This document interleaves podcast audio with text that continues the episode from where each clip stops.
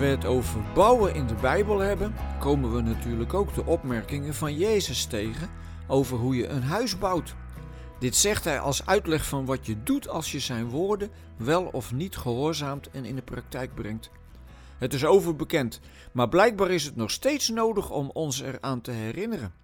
Jezus vergelijkt mensen die zijn woorden horen en doen met iemand die zijn huis op de rots bouwt en iemand die zijn woorden hoort en ze niet doet met een huis dat op het zand is gebouwd of is gebouwd zonder fundament in de versie van Lucas.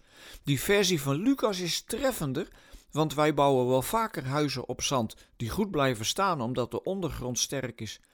Maar een huis zonder fundament, wat is dat? Je zou naar aanleiding van dit verhaal eigenlijk moeten vragen: een mens zonder fundament, wat is dat?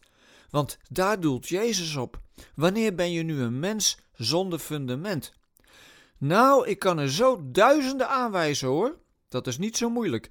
Het zijn de mensen die altijd meewaaien met de wind. De wind van wat er gebeurt in de samenleving, of de wind die bepaalde mensen veroorzaken omdat ze zo hard schreeuwen, zo hard dat je het wel met ze eens moet worden om van het geschreeuw af te komen. Dat zijn de mensen die hun principes, overtuigingen, normen en waarden halen uit wat anderen zeggen en doen. Misschien omdat je niet uit de toon wilt vallen?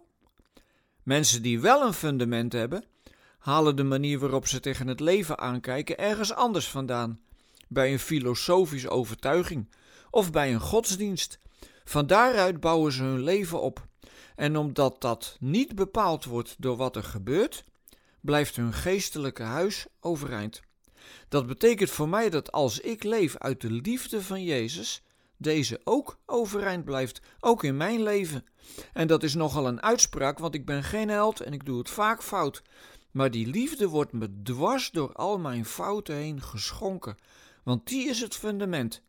En er kan wel eens een muurtje van dromen instorten, of een kamer van relaties, maar het fundament blijft liggen.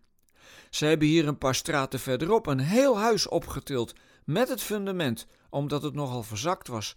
Dat verzakken gebeurt hier heel vaak in de polder veengrond en dan wellicht niet onder heid. Nou ja, ik ben geen bouwkundige, maar wat ik wel zie is dat dat hele huis nog intact is, omdat het rust op het fundament. En daar wil ik in mijn leven voor gaan. Dat fundament van Jezus' woorden, en dat is zijn liefde, is door niets en niemand kapot te krijgen. Dat is een geweldige troost voor mij en voor jou, maar ook een geweldige uitdaging. Want heb je dan eigenlijk nog wel het recht als christen om bij de pakken neer te gaan zitten?